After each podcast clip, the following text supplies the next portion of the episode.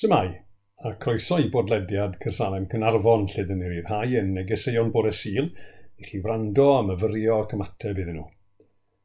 Yr wythnos hon mae chydig yn wahanol gan ein bod ni wedi cael problemau gyda gansad y sain bore di syl ac felly'n methu'r i ddau'r bregaeth gyfan, ond dwi am roi fersiwn byrrach yma i roi blas i chi gnoi cil arno.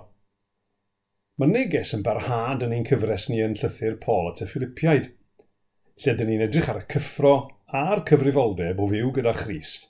A'r wythnos hon, fe fion ni'n edrych ar Philippiau 3, 1 i 11, gan ystyried y sylfaen a hyder newydd sydd ar gael i bawb sydd yn ymateb i alwad Iesu i'w ddilyn e.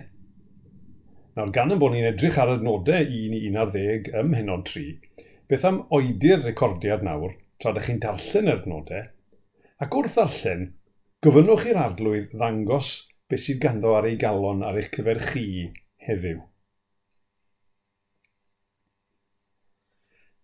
Dwi am ddechrau'r neges gyda chwestiwn, sef, beth yw hyder? O ofyn y cwestiwn i Google, dyma'r ateb gefais i. Y teimlad neu'r gred ein bod yn medru cael ffydd yn neu ddibynnu ar rhywun neu rhywbeth.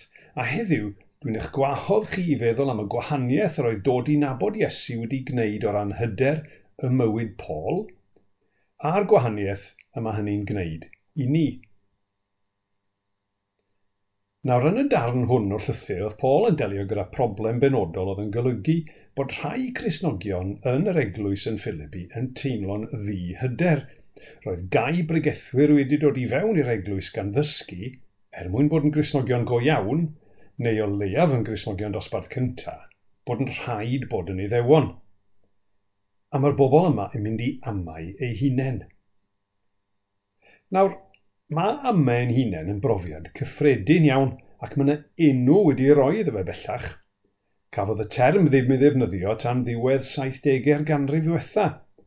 Ond beth oedd rhai o aelodau'r eglwys yn Philippi yn ei deimlo oedd yr hyn sy'n cael ei alw bellach yn imposter syndrom, sef ei bod yn ame ei hunain ac yn meddwl rhywsyd nad oedden nhw'n nad oedden nhw'n heiddi bod yn rhywle, i bod nhw yn imposters.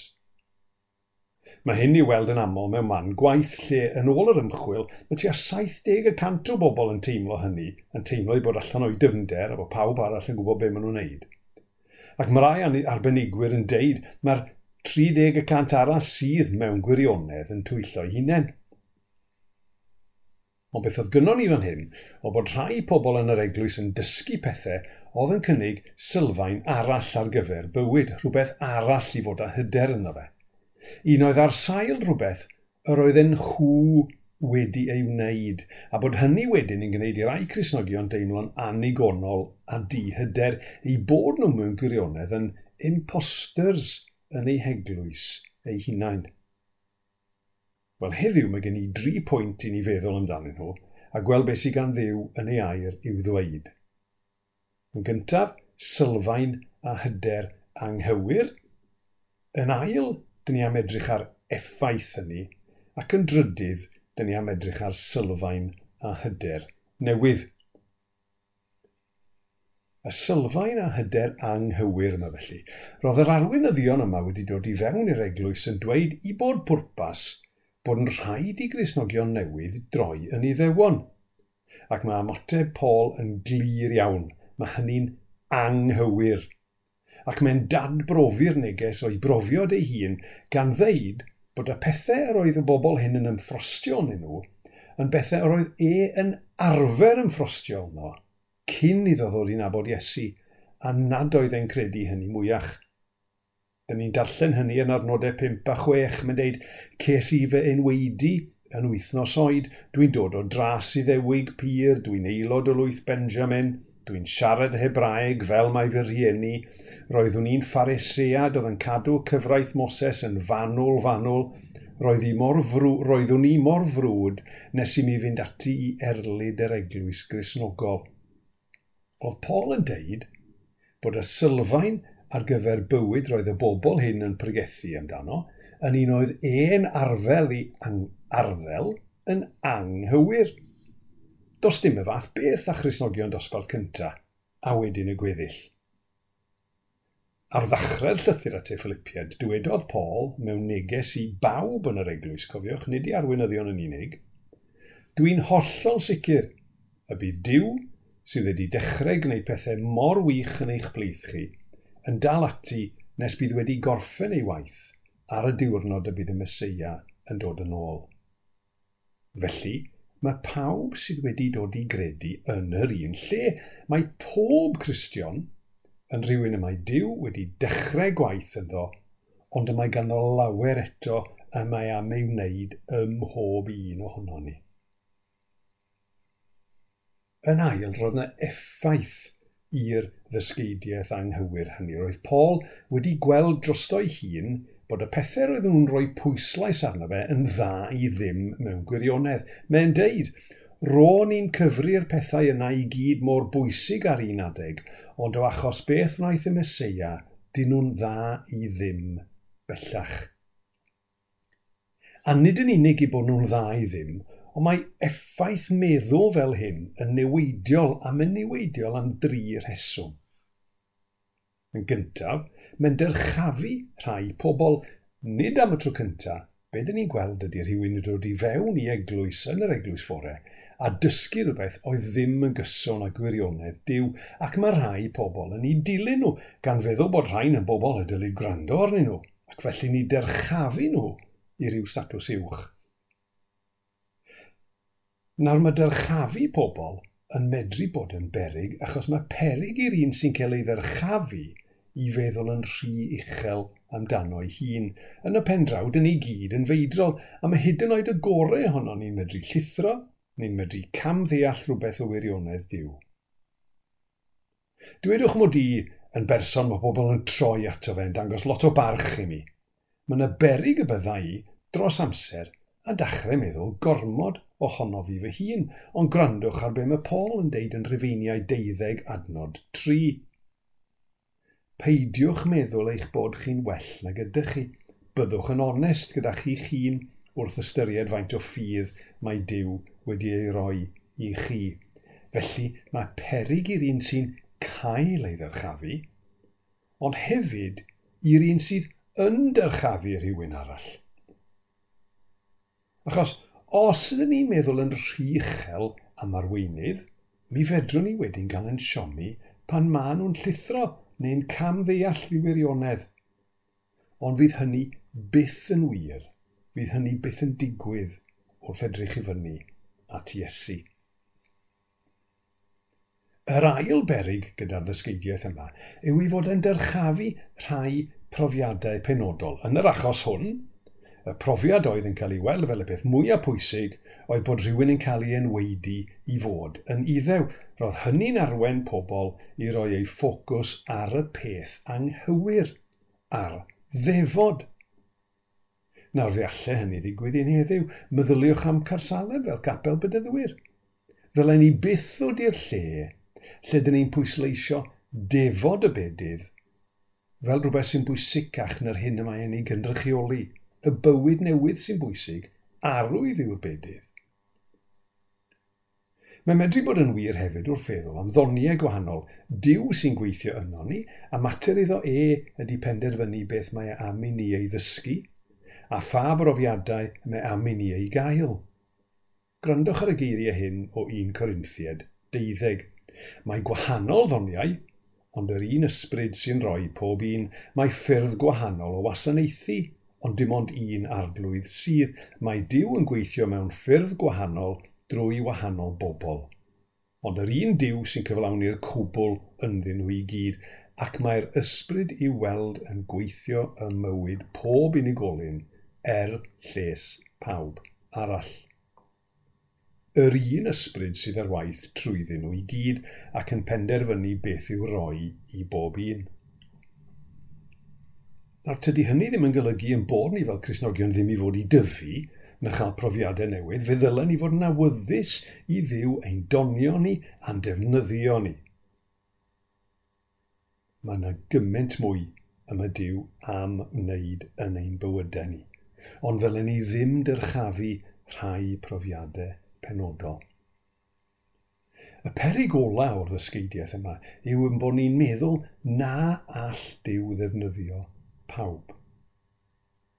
Os ydym ni'n disgyn i'r trap o feddwl bod yna wahanol statws o Gresnogion, fe allwn ni feddwl mae dim ond rhyw deip arbennig o bobl am y diw am ei defnyddio. Fe fion ni trafod hyn yn yn grŵp cymuned yn ddiweddar, ac wrth gwrs mae doniau gwahanol a mae rhai yn fwy cyhoeddus nag eraill. Ond mae pob dawn a gallu mae diw yn ei roi yr un môr werthfawr a'r un môr bwysig. Meddyliwch amdano fe wrth feddwl am ein tystiolaeth gyhoeddus ni fel eglwys. Dywedwch eich bod chi'n dod i oedfa am y tro cyntaf, bod yr addoli'n dda, bod y pregethwr yn wirioneddol dda, yn medru esbonio'n wych, a'n medru ysbrydoli. Ond wedyn, bod neb yn eich croesawu chi, yn siarad gyda chi, ddim yn cynnig paned i chi ar ôl yr oedfa, be fyddech chi'n cofio am eich ymweliad? y reality yw bod pob gwynidogaeth yn yr eglwys yr un mor werthfawr. A dylen ni byth flino ar ddweud hynny. Mae Dyw yn medru defnyddio ei blant i gyd. Mae'n gwaith ni i gyd fel disgyblion i Iesu yn bwysig. Yn ddiweddar mi glywes i ddyfyniad arbennig gan wneudog yr enw John Tyson a'r hyn roedd e'n deud oedd hyn, A church is only as good as the disciples that it makes. Os ydyn ni wedi ymateb i wahoddiad Iesu i ddod yn ddisgybl, mae e yn medru ein defnyddio i gyd mewn ffyrdd gwahanol, achos ei fod e'n yn ein donio ni yn wahanol. Ond mae'r un gwerth i'r hyn mae Dyw yn ei wneud yn a thrwy pob un sydd yn ei ddilyn e. A mae hwnna'n dod â ni at y pwynt ola. Mae gennym ni sylfaen a hyder newydd ar gyfer bywyd. Mae Paul wedi chwalu dadl y pregethwyr gau yma ac wedi dangos mae'r unig le i droi yw at Iesu, fel sylfaen ein bywyd ni. Yr wythnos diwetha yma mi wnes i ddarllen dyfyniad o gyfamod a sgwennwyd gan ddyn o'r enw Dafydd Cadwalad ar, ddiwedd y 19fed ganrif. Roedd yn gyfaill i Thomas Charles yn y bala a hefyd, digwydd bod, yn dad i Betsy Cadwaladr yma yn bwrdd iechyd lleol ni wedi cael ei enwi ar ei hôl. Wrth feddwl am ei fywyd fel Cristion, fe sgwennodd Dafydd Cadwaladr gyfamod. A mae'n bwysig nodi nad oes dim byd i awgrymu mae'n y datganiad oedd hwn nath ei wneud wrth droi at Iesu am y tro cyntaf. Mae'r cyfamod, yr ymrwymiad yma, ar gyfer ei fywyd cyfan. Gwrandewch ar ddau baragraff allan ohono. My fi, Dafydd Cadwaladr, wyf y dydd hwn yn rhoddi fy hun i fod yn eiddo i'r arglwydd dros byth. Yr wyf yn rhoddi fy enaid iddo i'w gadw a'i lywodraethu, fy nghorff yn aberth iddo, fy nghalon i'w garu, fy nhafod i'w glodfori, fy amser i'w wasanaethu, fy aelodau yn arfau cyfiawnder iddo. Felly, yr wyf yn bwriadu byw i ddiw ac ymddiried yn ei ddaioni ef yn unig am nerth a gras i gadw fy addunedau a rhag i mi byth alw fy ngeiriau yn ôl. Calon yr ymrwymiad hyn yw i fod e yn byw i ddiw ac yn ymddiried yn ei ddaioni ef. Mae gennym ni arglwydd y medrwn ni ymddiried yn llwyr yn ei ddaioni ef. Does dim rhyfedd felly, mae adnod gyntaf penod tri oedd Byddwch yn llawen eich bod chi'n perthyn i'r arglwydd. Dyna lle mae ffocws Paul. Mae'n deud, does dim byd mwy gwerthfawr bellach na'r fraint arithrol o gael nabod fy arglwydd y Mesia Iesu. Lle mae'n hyder ni? Beth yw sylfaen ein bywyd ni? O edrych yn ôl, mae'r Cristion yn medru gweld bod yr arglwydd wedi bod yn un yr oedden ni'n medru ymddiried ynddo. Ac heddiw, tra mae'r byd o'n cwmpas ni mor ansicr ac anwadal, dewch i ni ymddiried yn yr arglwydd sydd wedi'n caru ni wedi marw tryson ni, ac sy'n fyw ac yn ein cynnal heddiw, a fydd yn gwneud hynny eto i'r dyfodol. Dyna ein sylfaen a'n hyder newydd. Ac yng ngeiriau Dafydd Cadwaladr, yr dewch i ni ddeud, felly, yr wyf yn bwriadu byw i ddiw, ac ymddiried yn ei ddaioni ef yn unig, am nerth a gras i gadw fy addunedau a rhag i mi byth alw fy ngeiriau yn ôl.